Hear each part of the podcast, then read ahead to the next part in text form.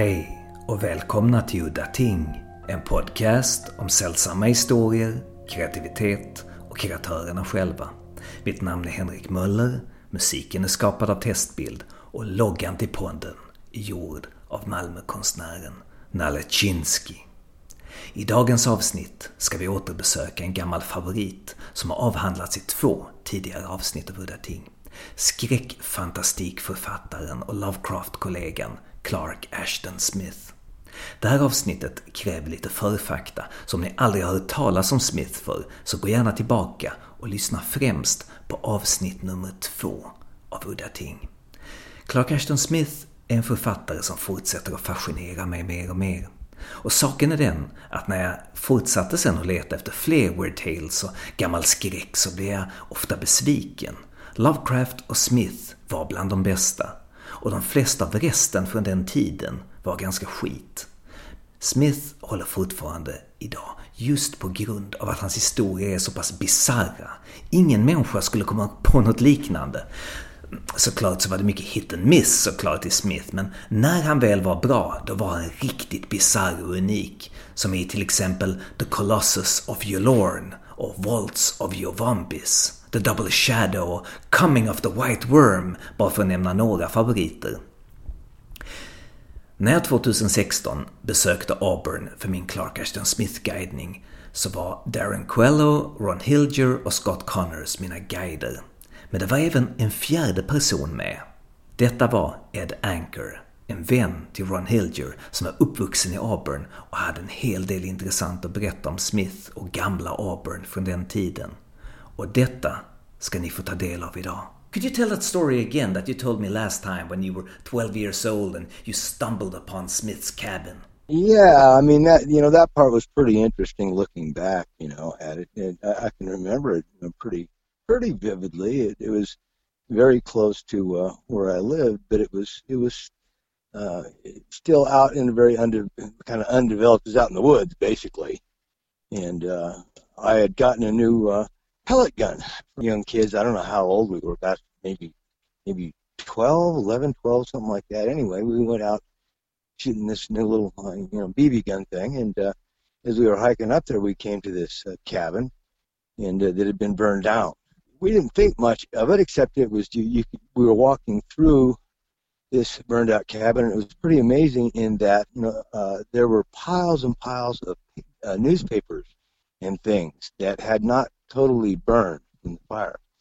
And uh, I remember walking in there, we're walking around, and uh, I remember there were all these little frogs all over there. These little frogs. I'll never forget that. It, it was because there there was a bunch of them. And uh, and I anyway, uh, I looked down and uh, from these newspapers, and and uh, you could you could roll them back, and you could from the ashes on top. I remember I picked up some and I and I opened it up, and to my amazement, what it said was uh, it says uh, Lindbergh crosses the Atlantic. It was a newspaper from when Charles Lindbergh had, had gone across, and it was in his cabin, you know. And I just you know remembered that. Now we didn't know it was who Clark Ashton Smith was. We you'd see him walking around. I, I can remember you could see him walking around through the woods and things sometimes, and, and but he was just part of the neighborhood, and I we didn't. It, I didn't really even know who he was until I you know got much older. Okay, so exactly how abandoned was it? Were there like plates and cutlery and furniture left in the house? It was pretty trashed. I mean, I, I, I could, and it had been burned up. Everything had been burned pretty bad. And I mean, and it's right after, we, you know, we'd gotten there. I think it had rained, is what maybe even put out some of the, the, the smoldering at. There's so much, there were so many piles of newspapers. I mean, lots of them. All right. As I, as I entered the front, it'd be on the left hand side. If you were to, you know, going where the front door was, on the left hand side, there was nothing but big piles and piles and piles and piles of old, old, old newspapers that went back to the, God, I don't know how long, you know, and uh, there wasn't a lot of furniture or anything. Uh, there was like little blankets and things, and uh, there's there, there's broken pots and pans. You know, I don't know if somebody's been there before. There was broken broken dishes, a lot of that kind of stuff. He must have cleaned some stuff out maybe prior to us getting there. I mean, I I, I don't know. I mean, it wasn't like the next day. It, it had been it had been there for uh, you know a, a period of time. You know, I would say probably uh, maybe a week or so, but we didn't think much about it. You know, just like kids walking through and and and, and shooting our little BB guns, and you know, uh, we we just thought it was. But I just remembered when I peeled back that newspaper, the odds of peeling it back, it said, you know, Lindbergh crosses the Atlantic. That means that paper was there since 1928 and that I can remember. It was really, really kind of, kind of strange, kind of macabre. Maybe it's a Clark Ashton Smith thing, but remember I told you about all the little frogs that were in, in the house. Well, I remember, I remember, you know, as a kid, I had my pellet gun loaded, and I put it on top of one little frog, and I shot him, and it went right through him. All right, and I, and I remember turning it over, and I saw that frog, and I, I felt kind of, I felt kind of bad for the frog, but it put this totally perfectly round hole right through it. And that that's the memory I have of that cabin. You know, was it was was this frog with this hole in it. It's kind of weird. I mean, you know, I, I was gonna, you know, that that that that's kind of one of the memories I got, you know, uh, of it. You know, and uh, you know, yeah, know, the thing is up there, you know, what I I find is so odd too is that it it changed so much, and and I'm not.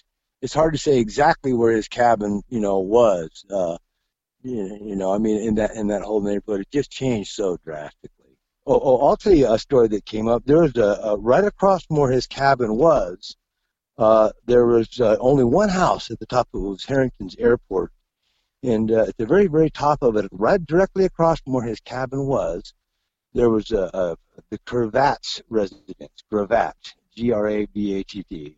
There were a, a few brothers that were, and uh, we you know, as kids, we we go up there and I got to know him. And uh, Mrs. Gravatt uh, told me a story, and she said that uh, uh, I said, you know, what's the deal with that cabin? I remember you know, I was a little older, and and she says, oh, she says, oh, that that thing over there, you know, she knew who the guy was. You know, she said, oh, this it's this writer poet, you know, this wizard guy. You know, I said, what do you mean? And she says, well, he used to do things. He had a girlfriend, or, or he, she didn't really know them. She said you could look at crossed, it like there would there be a storm would come in, a lightning storm would come in. He says, and these people would come out of that cabin, and uh, they'd be dance, they'd be uh, dancing around, and they had all these wizards garb on, really strange costumes and stuff on, you know. And uh, and she just kind of missed. Like, she she nobody could really figure out, you know, what the deal was, but they they we always kind of laughed and thought it was kind of strange, you know, because he he, he would go out in the storms and in in uh, the lightning storms and things and, and dance around with his girlfriend you know, and so I thought that was kind of, and everybody thought that was kind of odd, you know, and so, uh, and you know, then right after that, I suppose, you know, see, I, I barely remember something about a cabin burn, but I was, you know, I just it wasn't that you know, big of a deal. But then I found out that, uh, you know, there's a big rumor that well, was his cabin hit by lightning or was it burned down by the developer? You know, up in that area, there was always a big controversy about that. You know, I, I really don't know. Well, there weren't any other houses around it at all. All right. I mean, for a long ways, for like, I mean, a long ways. Like the Gravatt's house was across this area. It was probably, you know, 150 yards, 200 yards away, the closest house, I would say. That was the only one. And then there weren't any other houses around there. I mean, it was, you know, there, it was out, it was out in the boonies and there was no electricity hooked up to it or anything. I had never read his stuff. I think the first time I read his stuff, actually, it scared the crap out of me. so you could say it impressed you. Oh yeah, I, I had when I was in high school, I came across some of his stuff, and and it just it it just it just blew my mind. It really did, you know. And and then then then what was really odd to me was is that you know many many years later I moved to this other development that's north of Auburn called Lake of the Pines. This community that were a lot of people from the Bay Area had moved up to. And some of the first people that I met, was got one guy was named Ron Hilger when we were just kids, and he's the one who really got into that stuff and started talking about it. And eh, eh, eh, I, I, I, that's when I really kind of got into it more. That he he found it so interesting. And, and then another time, uh, uh, just by, by by chance, uh, I went down to the Auburn Library, and uh, I don't frequent it that much at all, but, but but right at that time I was there, they were having like a pretty good celebration. Clark Ashton Smith and the dedication for a rock they put down in Lower Town. And I saw some of the poets there. Uh, I don't know who the guys were that were, but I mean, it was it was neat. It, it was a neat thing they were having at the Auburn Library. And some poet did the, his poem Amithaine. Man, is that a neat poem? I really trying to figure out how he, he, he wrote, you know, all his stuff like that. I was just fascinated, you know, once I got into reading his stuff, I went, wow, this guy, he really, what an artist, you know. In that area, the only thing that there was besides the Gravatt's house in his place, uh, over the hill, there was a, the, uh, the slaughterhouse for Auburn for all the cows. all right. And there were cow pastures all around there. So I just wondered if maybe he, he didn't take some magic mushrooms from the cow pastures around there or something. Like, you know, you, you, you know, I mean, I mean, it's possible or something. The reason he was such a great artist, and I'll call him an artist, and was like that is because is because he didn't listen to anybody, and he didn't have anybody teach him that stuff. He was self-taught. You know what I mean? And, and, and if you do that for a lot, I went through a period where I everything life was such that uh, I didn't have to be around anybody.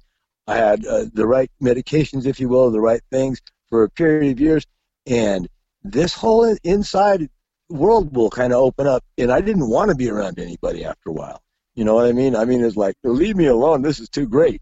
You know, because it, this whole this whole thing will kind of open up. I it would happen to anybody. I think if and, and it does. You know, like this whole pandemic thing's freaking people out because they don't know how to be with themselves, right? You know what I mean? But I, I think I think that's what uh, I think that you know the, the way he dealt with what life, you know, the, the cards that life dealt him, you know, you know, taking care of his family and all that, being really, really creative like that was. Uh, it's something that it was, he was like a, a master at it. I mean, it was something like when you meditate, he was just a master at using his imagination. You know, I mean, he, he just, it, it, it was, it was something that I think he probably developed, you know, over the years. That I, I, I'd say, you know, I put him right up in the, in, you know, Lovecraft, Ray Bradbury, all that kind of stuff. You know, I think he's that good, and I, I think more and more it's it's well. I mean, I, I don't think there's anything that really compares, and I I, I think that that uh, there, there's so much crap out there in, in in all the videos and stuff. They're just that are just nothing. You know, his stuff to me, if you put it in the, in the right hands and in, in wherever they're uh, making movies now, whether it's Hollywood or Bollywood, why I, I think that I think it's going to do nothing but but grow because it, it's so it's so fertile for your imagination. I mean, all those images like like how he does it. You know, my my favorite story. That I mean, I just love it. I can read it again and again. It's I don't know if it's I read like Abomination of Yondo. That's pretty good. But I like the Double Shadow. Did you ever read that one? Oh man, could you do a video of that or what? Or a cartoon? You know what I mean? I mean, if they do an animation of it, holy smoke! I mean, Oh man, I mean, I I, oh, I, I get chills even thinking about it. That's what I think is going to happen in the future. I, I think you know the artists will get a hold of it, and and and you know who's that one guy? Oh, what's his name? Tim Burton. I think I think if you could get him, you know, turned on to the right Clark Ashton Smith, I, I think he would really take on to that. Is uh, you know, I mean, he would he would enjoy it. I would think. Hey, how old are you? How old are you, Henrik? Forty four. It's a good age. You're you're almost if it at about halfway through life, at about 50, things get pretty pretty interesting, you know. You know, it seems like that. You know, I studied a lot of Carl Jung. Do you ever read much Carl Jung? Yeah, absolutely. I was especially fascinated by the Red Book and the paintings he did during that period. Oh, I went through a period where I, I read everything Jung did, and all that kind of stuff. If you can get it, Clark, you know what? I think it's good for your mind just to expand it to read all that stuff and try to decipher it. You know, I mean, Jung, half the Jung stuff was like, wow. I mean, that guy, he was really, uh, he was something. You know, it takes a lot of work to to. You got to learn a lot of new words and things. You got to learn a whole. You know, I mean, it, it's probably very good for you to do that. But but in in, in his his work, uh, Clark Ashton Smith's work is kind of like reading that. I mean, it's not. It, it, it's best basically going to stretch your stretch your brain. There's going to be some new way, new new words in there, you know, new ways of, of thinking about stuff, you know, which, which I, I, I thought it was it's it's kind of kind of therapeutic in a way. Ja, det var ett riktigt kort avsnitt den här gången, men jag tycker att det är fascinerande med folk som var med när det begav sig och berättar historier från förr, så jag hoppas att ni kunde dela mitt nöje i detta. Så det var allt för den här gången. Mitt namn var Henrik Möller, musiken var skapad av Testbild. Hej då!